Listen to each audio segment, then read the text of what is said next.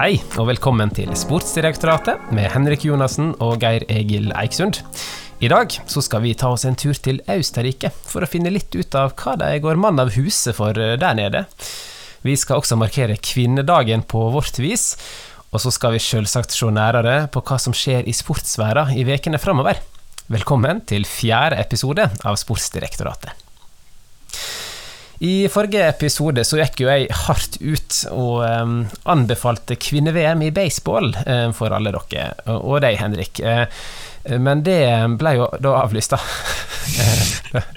det er jo på en måte ikke så stor overraskelse at ting blir det i disse dager. Men 1. mars så kom den triste beskjeden om at det ikke var noe baseball-VM å følge med på i denne omgang. Det er usikkert når det blir satt opp igjen, men det skulle jo være i Mexico. Skulle det plutselig dukke opp eh, noen kamper, så skal jeg holde dere oppdatert, altså. Det, det lover jeg. Veldig kjipt for deg, da, du som hadde handlet inn merch og, og liksom popkorn og hele pakka. Det jeg hadde kjøpt med sånn skum, skumhanske. Skum, ikke sant? Ja, ja, med sånn, sånn hånd, ja. ja, ja. ja fryktelig kjipt for deg. Og den der hjelmen Det er litt sånn stilige hjelmer i baseball, som er sånn eh, Du har litt sånn klump på ørene. Jeg vil tenke meg at det må passe, bra, passe bra med sånn eh, ørepropp og sånn inni den. Um, så jeg kan bruke den til det, da, uh, kanskje, i stedet for. Ja. Uh, ellers så var det også skiorientering uh, mellom dine episoder og forrige, og det skal vi se litt nærmere på. For det var jo i Est Estland, um, og var ferdig 28.2. Og vi kan vel kanskje si at uh, det gjalla i uh, gullalarmen igjen for Norge. Gjorde ikke det det, Henrik? Jo, uh, det gjallet og gjallet. Det er et lite kling, i hvert fall. Okay, ja. hvis vi snakker om et VM i nordiske grener og sånn opp mot dette. Men det var VM i skiorientering, som nevner. Eh, først må vi vel kunne si at vi vil rette en liten kritikk mot hjemmesiden til skiorienterings-VM. Det var ikke lett å orientere seg på den hjemmesiden. Og hvis noen fans av skiorienterings-VM hører på, vær så snill, oppdater Wikipedia. Det hadde hjulpet oss veldig i researchen. Trengte nesten kart for å, for å ja. finne fram. Ja. Og kompass. Ja. Eh, Norge eh, Vi begynner sprint menn. Eh, den er på 3290 meter. Norge tok eh, sølv og bronse med Audun Heimdal og Jørgen Bakli. Det var jo en skikkelig kamp mellom dem, da for de var jo mm. bare ett sekund mellom dem. Et stykke mm. bak bak vinnerne. Mens på kvinnesiden så var det Anna Ulvensøen som tok bronse på sprinten. Og der ble det estisk hjemmeseier. Oh. Daisy Kudre. D Daisy? Hvis, ja, Daisy. Er det, er det sånn vanlig fornavn i Estland, det? Ja, som eh, ekspert på Estland eh, Jeg har ikke peiling. Jeg tenkte Nei. det var veldig ikke-estisk. Nei, ja eh, Det var ikke du som fant et navn der? App? App. Ja, app ja, stemmer det. Det var ja. jo et annet et flott navn. Det var et fornavn. App. EPP. Ja. ja. App der, altså. På jaktstarten for herrene så ble det gull igjen. Audun Heimdal opp fra sølv til gull. Der gjallet gullalarmen. Endelig. Eh, endelig. Eh, for kvinnene så ble Ulvensøen bare nummer ti. Svenskene tok, tok, gullet her, faktisk, så det snakker vi ikke så mye om. Um, de har også da denne mellomdistansekonkurransen sin. Mm. Gullalarm! Jørgen Bakli vant, og han vant suverent med 1,30 til noen sånne russiske utøvere. Oh. Så langt vi klarte å finne ja. ut, i hvert fall. Ja. um, og uh, på kvinnesiden vant altså Daisy Kudre. Hjemmefavoritten, hjemmehåpet, gikk til topps også på mellomdistanse. Jeg tror jeg skal begynne å heie på Daisy i skiorientering. Ja. Absolutt. Det skal ja. jeg også. Ja. I stafett Nøytral sitt første lag vant. det er russerne, da. ok ja. uh, Sverige 2 tok sølvet. Og Estland tok bronse, altså. På hjemmebane. Norge ble nummer fem og sju. Hvordan fungerer Er det litt sånn Er det mange med på stafettlagene i skiorientering? Det, det er to uh, med. To og så veksler man. Litt sånn som, eh, litt sånn som sprintstafett eh, på, som man finner igjen i langrenn eller skiskyting. Okay. Eh, eller lagstafett på skiskyting, eller i, i, kombinert. Så det er litt sånn to som bytter om og går flere runder. Men er det, er det, var det bare én stafett? Er det sånn at det går gutter og dam, menn og kvinner i samme? Ja. Det er én ja. mann og én kvinne, så det er mixed, oh, ja, mixed lag. Ja. Stafett. Mixed stafett, Litt surt for Sverige 1, da, at det var Sverige 2 som fikk medalje. Det Ja. ja. det vil jeg tro. Samtidig, når du stiller med én kvinne og én mann, ja. så kan det bli ganske like lag òg, er min uh, hunch, da. Ja, For jeg er ikke dypt inne i skiorienterings uh, sånne uttak og sånn, må jeg innrømme. Nei, jeg tenker at det må være litt sånn forskjell Altså Hvis du går på lag da i sånn skiorientering, så er ikke det bare dagsforma eh, det går på hvis du blir sur på den, andre på laget ditt, for da har den lest kartet feil, liksom. Mm, mm. Det er en mm. ekstra dimensjon da som du på en mm. måte ikke finner i så eh, stor grad i andre idretter, kanskje? Du kan på en måte gjøre tabbe, og så påvirker det Ja, det må jo være at du dummer deg på skyting i skiskyting. Ja, men, jeg, men, jeg, skjønner poenget ditt. Altså, skyting der, det kan være mentalt, det kan være vind, det kan være mye, da. Men du leste feil på kartet, liksom. You had mm. one job, og så ja, bommer ja. du. Det er ja. kanskje litt flauere. Litt, kanskje? litt, bitter, litt kanskje. mer irriterende. Ja. Mm. Nei, vi får håpe at ikke de norske var irritert på hverandre. Nei. Og at de heller gleder seg over de medaljene de tok hjem fra skiorienterings-VM i Estland. De applauderer. Ja.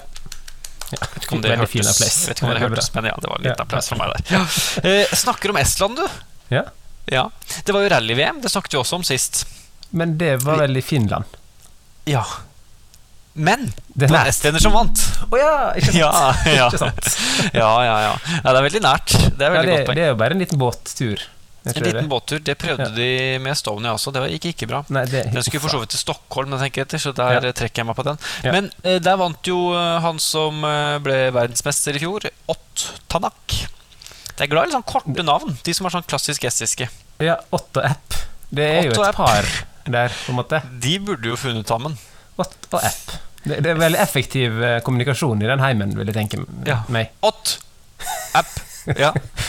Uh, jeg tror faktisk Ott er gift. Ikke med app, altså. Oh, men uh, Uten at jeg har det foran ja. meg, eller har sjekket det, faktisk. Men ja. Nei, han vant, men grunnen til at vi snakket om det, var jo fordi eh, Oliver Solberg debuterte eh, som ja, altså som, hva skal jeg si Han debuterte uh, i, var det jeg prøvde å si, mm. det øverste sirkuset. Altså i da rally uh, VRC-klassen. Og han gjorde det bra. Han ble faktisk nummer sju og var bare 1,39 bak vinner Ott Tanak. Det er, altså, det er fryktelig imponerende, vil jeg si. Og hadde flere bak seg. Både Sonin, Temo Sonin og um, Greg Greensmith var bak ham på lista. Så Oliver Solberg under svensk flagg, vil jeg merke. Ja. Vi anerkjenner ikke det, Nei. men uh, utrolig imponerende. Hmm. Andreas Mikkelsen var også med. kan nevne det Han ble nummer to i den nivå to-klassen. De kjører forskjellige klasser, avhengig av hvor kraftige bilene hvor mye ah. hestekrefter, hvor fort de går. Okay. Og den klasse to ble han da nummer to bak Esa-Pekka Lappi. Kan du gjette hvor han er fra? det var veldig fint navn, da. Esa-Pekka. Lappi. Ja. Esa-Pekka Lappi. Der, ja. der, har du navn. Det er, for å si det. Sånn. ja. det. Så han vant. Ja, men det er veldig bra. Veldig bra. Ja. Mm. Og eh, avslutningsvis Og Tanak er gift med Janika. Tanak. Tanak. Ja. ja takk. Ja, ja takk. Tanak for deg.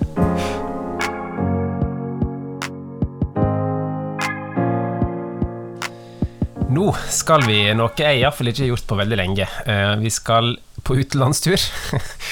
Vi skal uh, lene tilbake, Henrik. Tenk at du er på flyet og nå sitter der med, med munnbindet mm. ditt og mm. er på vei til å lande i et land med eh, rundt 8,8 millioner innbyggere.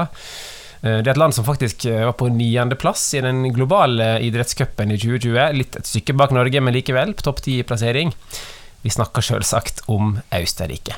Å, det var fint her, altså. Her er det fint. Ser ut av vinduet her nå. Nydelig innflyvning til Wien. Ja, så bra. Du, jeg anbefaler å ikke gå på sånn her afterski. Det er det eneste. Nei, um, nei, det skal jeg ikke gjøre. Det. Det er ja. ikke helt min greie uansett, så det går veldig nei. bra. Ja, men bra. Ja. Um, vi har jo sett på en del land, faktisk, allerede, eh, de siste mm. episodene. Um, og Østerrike de, ehm, de, har faktisk utprega seg ganske godt nå den seneste tida uh, i sportsverden. De har flere gode resultat uh, bak seg, nå senest i NM på ski, som jeg vil kalle det. ja. uh, der de faktisk har klart å ta flere medaljer. Sjøl om det tidvis så ut til å bli bare Norge på pallen da i, i Oberst, Obert Oberstdorf. Den satt. Takk. Nå hørte alle at jeg ikke har vært i militæret. Oberstdorf. Det er jo ikke så vanskelig, egentlig. Det er bare denne D-en jeg har lyst til å flytte fram. Uh, I alle fall, uh, i NM der nede så uh, har de gjort det bra, og nå tenker jeg at du skal få lov å oppdatere oss litt, Henrik. Hvordan har det gått med Austerrike der nede? Sa du EM? Sa jeg NM? Jeg prøvde å si NM. du sa NM, og så sa du EM. Mulig ja. jeg hørte feil her. Ja, du, i Oberstdorf, eh, VM, NM, EM på ski uh, Det er vel nesten faktisk EM på ski, for det er faktisk bare Europa Nå løy jeg selvfølgelig, men uh, nesten bare Europa som har tatt medaljer. Én medalje har ikke gått til Europa, mm. og det var hopp stor bakke for kvinner. Sara Takanashi fra Japan. Nu vel. Østerrike var det vi snakket om.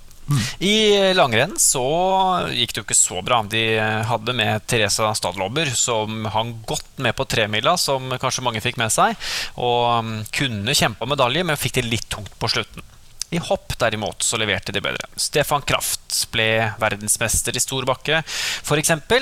Eh, og de vant jo normal bakke for lag på kvinnesiden, og de tok bronsemedalje i normalbakken uh, i miks, bare for å nevne de et par av dem, for å si det sånn.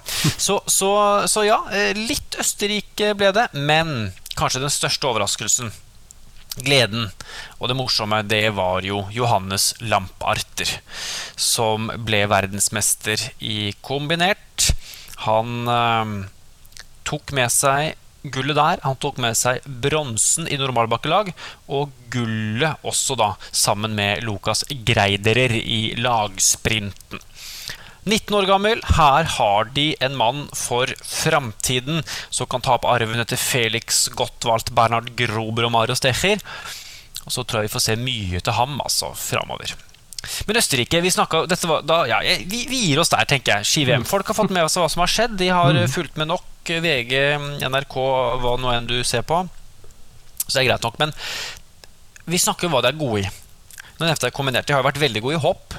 Stefan mm. Kraft nå, de har hatt Gregor Schlierenzauer, eh, Martin Koch, Thomas Morgenstern, Ernst Fetter ble olympisk mester, eh, Karl Schnabel eh, Altså masse Ja, han het faktisk det. Mannen med snabelen. Nei da. Mm. utrolig, utrolig god skinasjon, altså. Det vil jeg si. Det her nå var det sånn irriterende gode lenge i hopp. Ja. Spesielt den perioden Norge var veldig dårlig. Eh, Spesielt da. Ja. Og da blir, det, da blir, man irriterende god å si. Ja. Men mm. jeg, jeg, husker nå Eller det er noen andre idretter jeg også har vært litt irriterende god i, eh, som kanskje også har vært enda mer populært i Østerrike. Ja, da tenker du ikke på skiskyting? Eh, nei, da tenker jeg faktisk nei. på det andre som går så fort nedover bakken. Eh, bare der de slipper Ikke så mange hopp, kanskje. Nei. Ja. Tenker kanskje på alpint, eller? Ja, jeg tenker litt på alpint. Ja. Nei, altså Østerrikes største idrett er jo alpint. Det er jo der de har hatt uh, store, store mestere, uh, holdt på å si, i alle tider. Mm. Uh, Tony Siler har jeg nevnt her før, faktisk, med tre, vel, VM-gull i 1954. For eksempel. de tok jo OL-gull tilbake i 1952. Altså De har vært gode hele veien i alpint opp til Anne Marie Moser Prøll, som herja på 70- 80-tallet. Hun har rekorder som står den dag i dag. På kvinnesiden. På herresiden må vi jo nevne en eh, mann som Frans Klammer. Vi kan nevne Herman Maier, er jo kanskje den folk mm. kjenner best til. Han er fortsatt den på herresiden som har vunnet verdenscupen med flest poeng. 2000 poeng, blank. Eh, ganske interessant. Eh, mange husker kanskje mm, fallet hans i Oli Nagano i 1998 i utfor, hvor han gikk på han gikk jo rundt 15 ganger, reiste seg opp igjen og vant Super-G like etterpå. Eh, en, en idrettsutøver uh, The Terminator ble han jo kalt. Helt vanvittig fyr. Og opp til Marcel Hirscher, da. Kanskje den største alpinisten gjennom tidene. Vunnet verdenscupen sammenlagt åtte ganger. Det er jo uten sammenligning det beste. Eh, slått av Stenmark på en del verdenscuprekorder og sånn, men, men, likevel helt vanvittig god i slalåm, storslalåm. Og han lukta litt på super-G innimellom også. Eh, og til de som har prøvd å ta over i dag, da med Marco Schwartz og Vincent Kriechmeier og sånne ting. De gjorde det godt i VM. Kriechmeier tok to gull. Katarina Linsberger tok to gull. Eh, Marco Schwartz tok et gull. De ble beste nasjon med antall gull. da, Fem gull. På kvinnesiden har de hatt Micaela Dorfmeister, Elisabeth Gørgel, Nicole Hosp de siste årene. Nå ser vi jo en Katarina Liensberger og eh, Troppe, som ble jo skadet for VM, da, men eh, var tilbake denne helgen.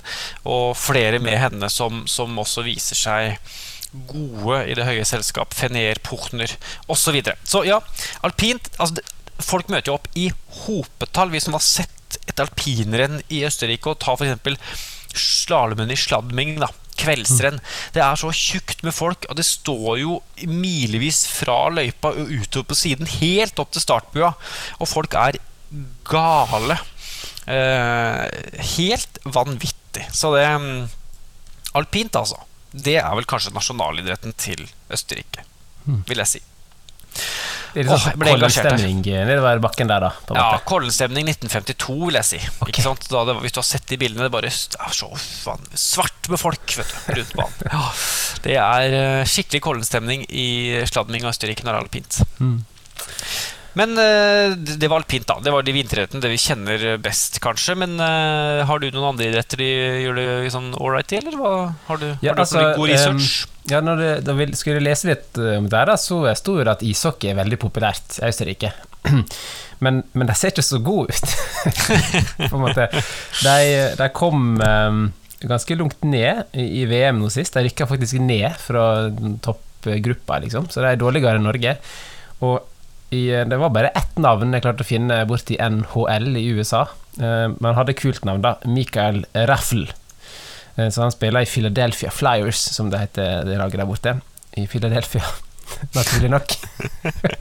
um, så det var på en måte litt sånn skuffende da å lese at det var kjempepopulært. Eh, det som var litt interessant, er at toppdivisjonene toppdivisjonen i ishockey i Østerrike, der er det eh, ganske mange østerrikske lag. Men så har det et sånn innslag av et italiensk, et slovensk, og har tidligere hatt kroatisk og, og slovakisk. Og, ja. Så det var litt sånn nabolander, da, byer tett på grensa. De har deltatt i den østerrikske toppdivisjonen. Hvorfor, det har ikke jeg klart å, å, å, forstå tysk godt nok til helt å, løse floken på. Så hvis noen der ute vet det veldig godt, så er det lov å sende en, en sånn hat-e-post for å forklare, men det er jo selvsagt fordi, ikke sant. Ja.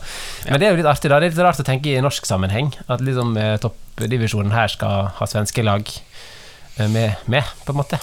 De er, rett og slett mer inkluderende? Det, det, kan en sikkert si. Ja.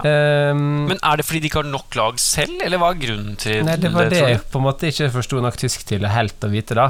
Ja. Um, jeg får ikke noen teori heller, var mer det jeg tenkte nei, på. Altså, det, det, jeg så som på en måte kartet forklarte meg, det var at disse byene ligger veldig tett på grensa. Så det kan være en sånn praktisk grunn. At det er liksom Hvis du er italiensk lag og er helt i nord, på en måte, så er det litt kjedelig å reise helt ned i Sør-Italia på kamp når du kan kjøre buss i en halvtime Ehm, eh, nå, nå, kan hende at jeg underdriver avstanden til Østerrike bitte litt, men, men liksom, Italia og støvlene og hele pakka ser jo mye lenger ut enn en dette smale Østerrike, på en måte. Så det kan jo være en teori, at det er geografiske grunner.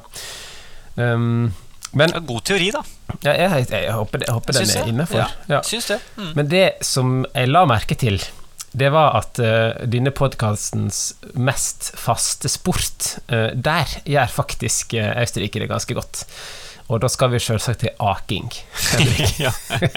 det er jo blitt vår liksom, go to-idrett. Uh, gjorde ikke det ganske greit der, også nå i VM?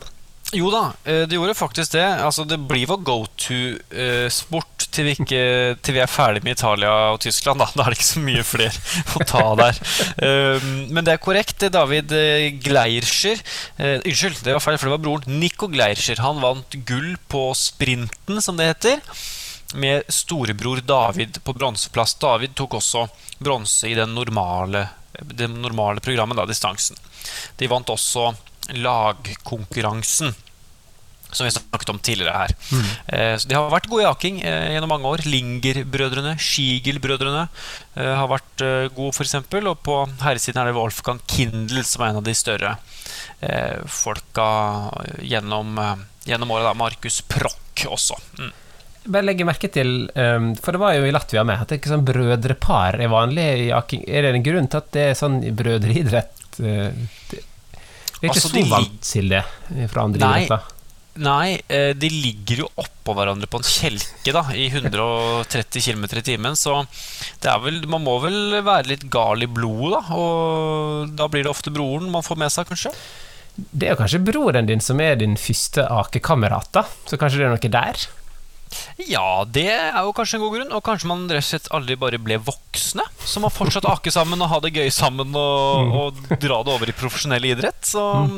jeg tipper det er en av grunnene. Men eh, det er korrekt. Det er faktisk en del brødrepar som driver med aking, og det har sikkert både praktisk og, og morsomme fordeler, vil jeg tro. Kanskje du har litt likere kropp, og det er liksom enkelt hvis du skal ligge sånn i double i akepositur. Ja, og hvor mange vil jo ligge veldig tett oppå, lurer jeg på. Ja, det, ja, det er sant. Det er, det, er ikke, det er, vel kanskje ikke bror heller, det førstevalget alltid? Nei, kanskje? det kan du jo for så vidt kanskje Nei, si. Uten at vi skal gå mer inn på det, kanskje. Nei. Men altså, uh, de er gode i aking. Det har vi funnet ut. Faktisk det, altså. Det er faktisk det. Ja. Har du klart å finne noen andre idretter Austerrike uh, gjør det sterkt i, da? Ja, altså de, de, leverer jo plutselig noen sånn enkeltløpere i skøyter, f.eks. Eh, mm. Vanessa Herzog er kanskje den eh, mest kjente de siste årene. Hun vant jo både gull og sølv i VM enkeltdistanser for to år siden. Mm. Eh, ja, Vi nevnte jo skiskyting her både litt tidligere holdt jeg på å si, og, og sist gang også, med, med Lise Therese Hauser, som jo ble verdensmester. De har jo Dominic Landertinger fra før, og Wolfgang Rottmann. Eh, og så eh, må vi kunne være ærlige og si at eh, det dukket opp et navn og en person i en idrett som, som eh, når vi snakket om det i dag i stad, vi ble overraska. Ja. ja. Det, var, det var, var veldig sånn vinterfokus. Vi var veldig på vinterfokus. Ja, Og så kommer det inn en fra sidelinja som er kjempegod i en eh, Vi kan vel kalle det sommeridrett? Det vil jeg si. De har på seg shorts og T-skjorte når de ja. spiller. Ja. Det er per definisjon en sommeridrett i mitt hode. uh, tennis. Ja. Vi skal Dominic tilbake til tennisen. Vi skal tilbake til tennisen, som jo også er et uh, gjengående tema i denne podkasten. Nå snakka jeg i munnen når du sa navnet, så du må si det en gang til. Jeg skal si det en gang til. Dominic Thiem. Mm. Hvis det er sånn det uttales, da. Det høres helt rett ut, tror jeg. Takk. Ja. takk. Mm. Vant US Open i 2020, faktisk. Vært i finalen i både um, French Open og um, uh, Hva er den siste? Ikke Wimbledon, men Australian Open, selvfølgelig. Ja. um, og tapte mot Nadal i French Open begge gangene, faktisk. Så han, uh, han er jo en spennende kar. Han var vel helt oppe på fjerdeplass på den rankinga der, da, ATP. Ja, Nå, ja. ja. Det er ganske ja. heftig. Ja, det er veldig Han er jo kjempegod. Ja. Det sier bare litt om hvor lite jeg kan om tennis, tenker jeg da. Ja, ja det kan jeg skrive under på. Ta selvkritikk der. Vi fant vel ut at han til og med var den gjennom tidene tiende mest innbringende, er det det en kaller det, eh, ja. tennisspillerne. Altså fått eh, tiende mest pengepremier gjennom tidene. Mm. 28,5 million kroner. Dollar. Dollar, dollar, ja. dollar. Beklager. Eh, det er jo ganske masse penger, da. Ja, det er ganske mye penger. Så de har faktisk tatt noen poeng der også, de i denne den nasjon nasjonscupen. De har det, altså. Mm. Mm. Men, eh, men, men vi, det er også sånn historisk sett Jeg har hatt noen litt sånn Kan vi kalle det imponerende bragd? Trist, mm. men imponerende. Ja. Hvis det går an å øh, slå sammen, på et vis? Ja, det går jo på en eller annen måte, det. Og jeg syns du sa det bra, eh, på en okay. måte. Ja. Fordi det var jo eh, det, det, en trist eh, Du skal til Formel 1. Ja, jeg med. ja. ja. Nei, de har jo hatt noen gode Formel 1-løpere i historien. Og det som var veldig trist, men også Um, imponerende, var jo kanskje Jochen Rindt, som kjørte en kanongod 1970-sesong så kommer de til eh, Monza, og han er på trening, brekker noe bremsestag og går rett i veggen og dør faktisk av bilbelte eh, som, eh, rundt halsen og noen greier. Han dør i ambulansen på et sykehus. Fryktelig tragisk. Jochen Ritt. Men han, eh, hans største motstander den gangen, eh, belgiske Jacques, Jackie X tok aldri igjen Rint, og Rint ble faktisk verdensmester etter sin død det året. Det har ikke skjedd i veldig mange idretter, tror jeg. Så det er en uh, veldig trist, men imponerende bragd. Mm. De klarte jo også det kunststykket å avle en så god kjører i Formel 1 som Nikki Lauda, som kanskje de mest uh, ihuga Formel 1-førerne har hørt om. Han uh, gjorde det bra på 70-tallet og vant et VM, altså verdensmesterskapet. Så kom det til 1976, ledet sesongen. Kom til Tyskland. Der krasja han, og bilen eh, ble, kom i brann. Begynte å brenne.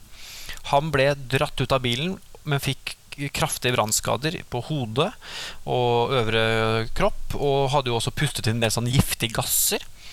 Jeg lå jo på sykehuset, og det var liksom Jeg tror han, Det var ikke sånn holdt på å dø, men det var jo Oi, kan han komme tilbake til Formel 1-sirkuset? Seks uker senere satt han i bilen og kjørte Italia Grand Prix. Snakke om fyr. Og han kjørte så bra resten av sesongen at han tapte VM med bare ett poeng mot James Hunt. Det er jo til og med lagd en film om de to. Eh, han vant, kom tilbake og vant VM to ganger til seinere. Nicky som jo startet et flyselskap og har hatt uh, masse å gjøre med Formel 1-sirkuset de seinere årene. Døde jo uh, for et par år siden, 70 år gammel. Så jo da, Formel 1. Og vi ser jo, Arven, det er faktisk Formel 1-løp i Østerrike hvert år. Så også der da har de en historie i idretten Østerrike.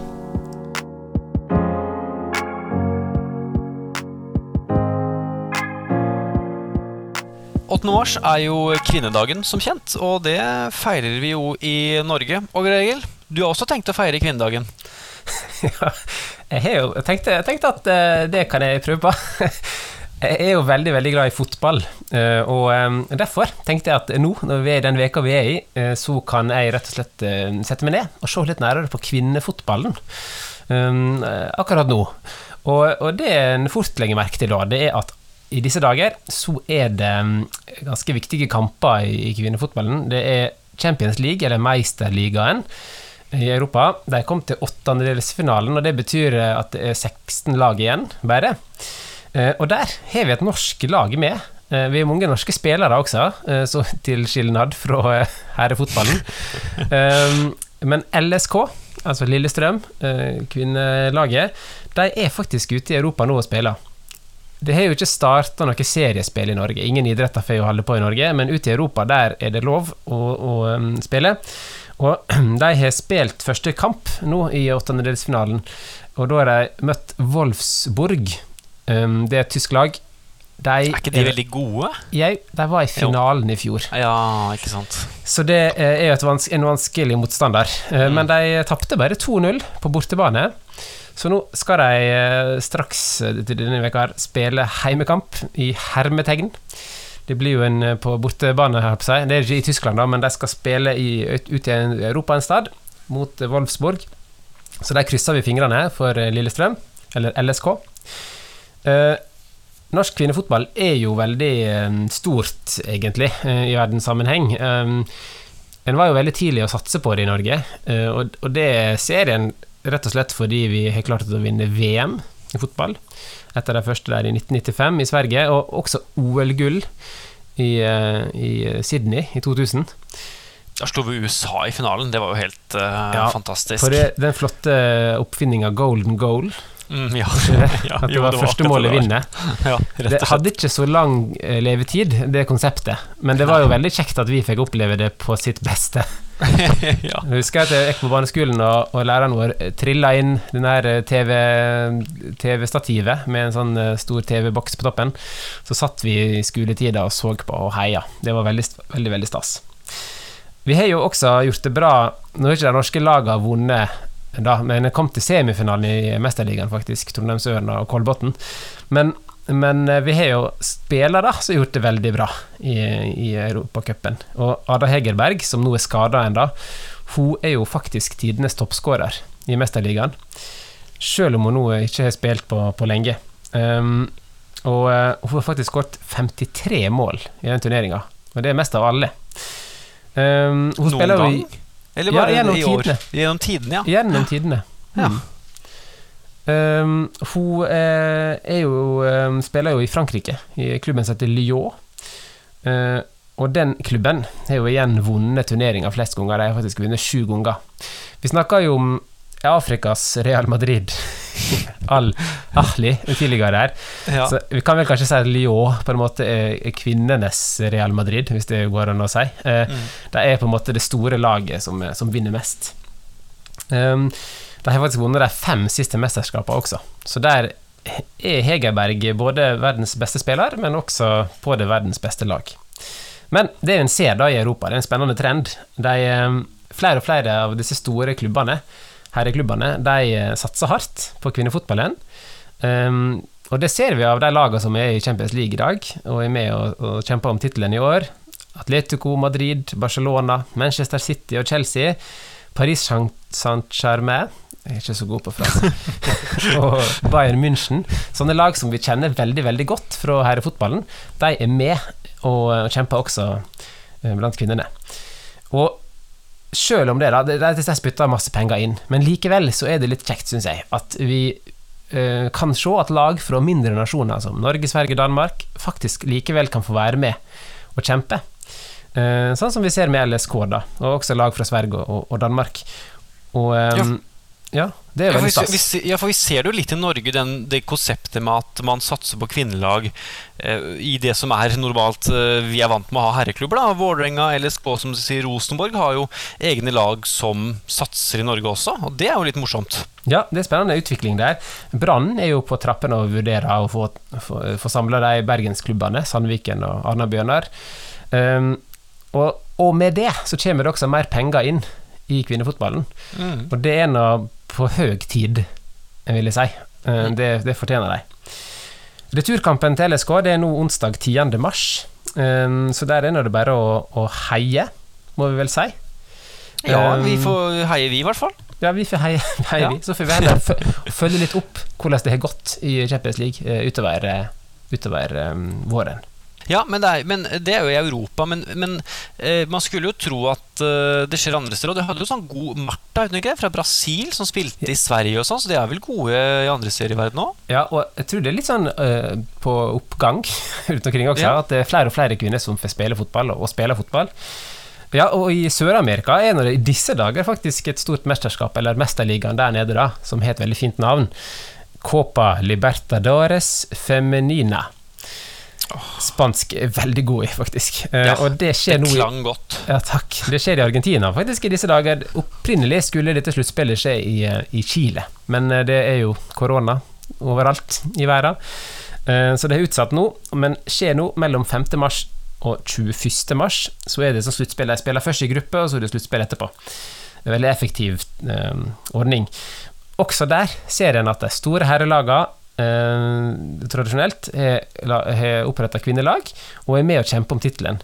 Um, favoritter er nok eh, det brasilianske Corinthians, eh, som er et kjent herrelag også. Eh, og De vant i fjor, og de har begynt årets mesterskap med en ja, helt grei 16-0-seier mot uh, El Nacional fra Ecuador. andre lag som er med i spillet der, det er Boca Juniors og River, River Plate, eller Plate, jeg er litt usikker på hvordan en uttaler det. Det er veldig kjente lag fra herrefotballen. Um, men også Amerika fra Colombia og Peñarol fra Uruguay. Så det er spennende å se. Og vi skal holde dere oppdatert, dere oppdatert da, på hvordan det går um, der nede også. Ja, men eh, Jeg gleder meg til å høre, og jeg håper at uh det blir noen morsomme resultater, mer enn bare sånn 16-0. At det ja. blir litt mer kamp. Det jeg tror det at det vil være høyere nivå på, på, på topplagene der. Ja, når det kommer seg litt møtes. oppover. Ja. Ja, ja. Vi kan jo, altså Jeg snakker jo hele tiden om vinteridrett, så bare for å putte inn fra min side på slutten her, så kan vi jo si Maren Lundby tok jo VM-gull nå nylig i storbakke. Første VM-gull i storbakke. Hun har jo vært med på den kampen om å få kvinnehopp inn i VM og alt mulig. Hun var faktisk med når det ble arrangert første gang som 14-åring i Liberec. Eh, så hun har jo vært en, en, som har gått foran, og ikke minst kombinert for kvinner på VM-programmet for første gang i år. Tredobbelt norsk. Mm. Og Gyda Vestfold Hansen, som vant, er bare 18 år gammel. Så det er litt fint å se, da, eh, kvinnedagsuka, at eh, vi også er med og tråkker opp stien for de som kommer bak. Det, det er veldig morsomt å se. Hvordan er det med kombinert for kvinner? Er det på OL-programmet ennå? Nå, du må ikke spørre så vanskelig, Geir Egil. det, det kan, kan, vi ikke finne ut av det til neste ja, gang? Det kan vi finne ut til neste gang. det var veldig bra avslutning. Ja. Men, uh, men, uh, men, ja. Mm.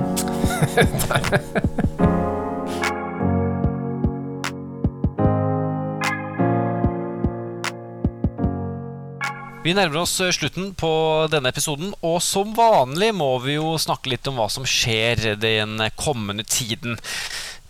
En helt uh, si, obvious ting er jo at vintersesongen nå nærmer seg slutten uten at uh, vi får noe glede av det i Norge. Det blir verken langrenn, hopp kombinert eller skiskyting. Uh, men det skjer vel andre ting der ute som er verdt å merke seg, som ikke handler om vinteridrett også? Ja, og jeg vil nok si at det som går igjen, er at det føles mer og mer ut som sommeridrett. ja, det er noe med det. ja, for nå fra 9. mars til 14. mars så um, er det faktisk ei stor golfturnering på trappene borte i USA. Den heter The Players Championship. Et litt artig navn, for det er liksom i motsetning til uh, The Non-Players Championship. Jeg er litt usikker på hvorfor det heter akkurat det, men det er på ei bane i Florida. Det er ikke Trumps bane, da. Men eh, TPC Sawgrass uh, var veldig litt sånn kjedelig navn. På, ja, veldig kjedelig navn, faktisk. Ja, men det er i Florida. Uh, det er visstnok den golfturneringa gjennom året på PGA-toren, som det heter, med høyest premiesum. Så til sammen 15 millioner dollar da jeg skal dele ut denne lille, lille veka her. Ja, der, der har vi en norsk deltakelse med Viktor Hovland. Han skal være med. Og han ligger faktisk på 13.-plass på rankinga, PGA-rankinga. Det er når han er på full vei oppover der, altså. Så, og han er jo også første nordmann som noen gang har vunnet sånne PGA-turneringer. Ikke Players Championship, da, men han har vunnet to turneringer i fjor, i forrige sesong. Og det er noe veldig veldig stas, og veldig imponerende, ikke minst. Så der kan en følge litt med på golf da, framover. Um, han uh, holder vel på så å si hver helg, tror jeg. Men jeg føler at det er Hovland i, i ruta hver helg, for dem som ja. følger med på golf. Ja, eh, så der er det, der er det mye, mye, god, mye, godt gress og det er grønnere på den andre siden òg, der, tror jeg. Det er det. Ja. Der kan du liksom lu nesten lukte plenklipping, tenker jeg. Det er veldig fint. Uh, ja. Og veldig stas med norsk deltakelse, ikke minst. Veldig. Det er vel eh, norsk deltakelse i andre idretter også framover, vil jeg tro? Det er det. Og, eh, og, for deg som husker litt tilbake, så um, skal vi til en idrett Slovenia er veldig god i. Eh, vi, som ikke vi også klarer å være. Men altså, sykkelsesongen ruller og går allerede. Og det begynner nå å komme klassikersesongen. Vi skal nå 7. mars til 14. mars, så er det Paris-Nice. Um, der har vi mange norske bidrag. Um, vi har både Svein, Sven unnskyld, Erik Bystrøm og eh, Alexander Kristoff fra eh, det emiratiske laget der, eh, sitt, der også han sloveneren Pogacar sykla. Vi har også med Edvald Boasson Hagen og Odd Christian Eiking, og også Amund Grøndal Jansen. Så det er mange som skal være med i dette Hvor mange dager blir det? Sjudagersrittet, er det en kaller det? Altså syv etapper, er det sånn å forstå, eller? Det er sikkert det. Det har vært litt i tvil. Det er vel det, er ikke det? Jo, jeg tror det. Ja. ja. De eh, sykla fra Paris til Nista. det, det, og, det er veldig deilig med sykkelritt. Man vet uh, hvor det går fra og til. Ja, ja. ja. Uh, og der Jeg vet ikke om vi kan ha noen gulalarm der, men, men, det er veldig stas at det er mange nordmenn med, da. Uh, så kommer en av de store klassikerne. Det er Milano San Remo. Og det er den 20. mars i år. Der har vi da som vidt vi har klart å finne ut, i alle fall tre norske bidrag. Og det er noen av de samme. Det er både Boasson Hagen, Kristoff og han Grøndal Jansen som skal være med i Milano San Remo. Er dette også over flere dager, eller? Nei, det er sånn endagersritt. Ja. Eh, og en har vel sett episoder der det har kommet snø og greier. Det er jo i mars. Um, så, så, det er et litt spennende ritt, og det, det, det er jo over på en dag. Uh, I motsetning til disse etapperittene. Så der får jo all, vinneren allerede. med min, på en måte. Så det er jo litt spennende, da. Så, og utover våren kommer jo det sykkelritt på rad og rekke. Så det er en av det for de som er interessert, å bare slå på eh, kanalene. Uten at vi har reklamert for noen ting. I dag har vi vært veldig flinke. Veldig flinke. Ja. ja. Men noe som jeg syns så veldig kjekt ut når jeg ble klar over det, det er, det er et EM, da. Men EM i vindsurfing skal altså av stabelen i Portugal mellom 7. og 13. mars. Jeg må jo innrømme at det er litt konkurrerende, datoer her, så du må på en måte sette deg ned og velge veldig. Eh, beklager det. Er det både fotball og, og sykling og golf og vindsurfing, altså. Eh, jeg veit ikke om det er så mange nordmenn med, eh, men, men altså, underholdning tror jeg du får mye av på vindsurfing. Så spørs det om det er gå på en kanal det er mulig å få inn. Ja, Det er et annet spørsmål, da. Men klassa heter RSX. Um, jeg, vet stor, jeg, vet ikke om det er så stor forskjell på disse klassene, men, men i alle fall vindsurfing. Da står du på et surfebrett, sånn som vi kjenner det fra sommerfilmene fra USA, og så har du et sånt her segl som du står og holder i med hendene på ei stung, og så kan du sikkert svinge det seglet da litt ut fra hva retning du vil, og hvor vinden kommer fra. Um, jeg har aldri prøvd, men det, jeg må si det ser litt kjekt ut. Uh, det er på en måte Ja? Jeg, si, jeg, tror det er ganske kjekt når man får det til. Men jeg ja. tror ikke det nødvendigvis er så lett å få til. Jeg tror liksom Det er litt nøkkelen her, da. Men uh, ja. det er nå min tanke. da men, Og da kan det bli veldig kjipt, faktisk. Ja, og gjøre det, ja. Men å se på, tenker jeg. Det, ja, å, ja, du, ja, du mente gjøre det selv, ja. ja. For det er på en måte sånn regatta i miniformat. Mm. sånn der eh, regatta uten båt, på en måte. Der er det liksom Å, her må vi sjekke hvem er det som kommer fram til bøya først og skal snu. Og, ja. Så det, altså um, Det er bare til å bøye seg i støvet der, si ja, sette seg ned, legge beina på bordet og heie fram for um, der du vil.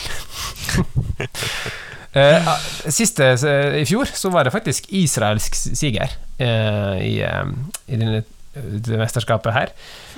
og det er jo ikke så ofte du ser Israel på toppen av pallen i idretter.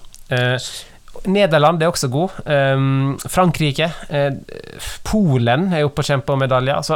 Så her er det litt sånn nye land, kanskje, eh, for nordmenn eh, å se.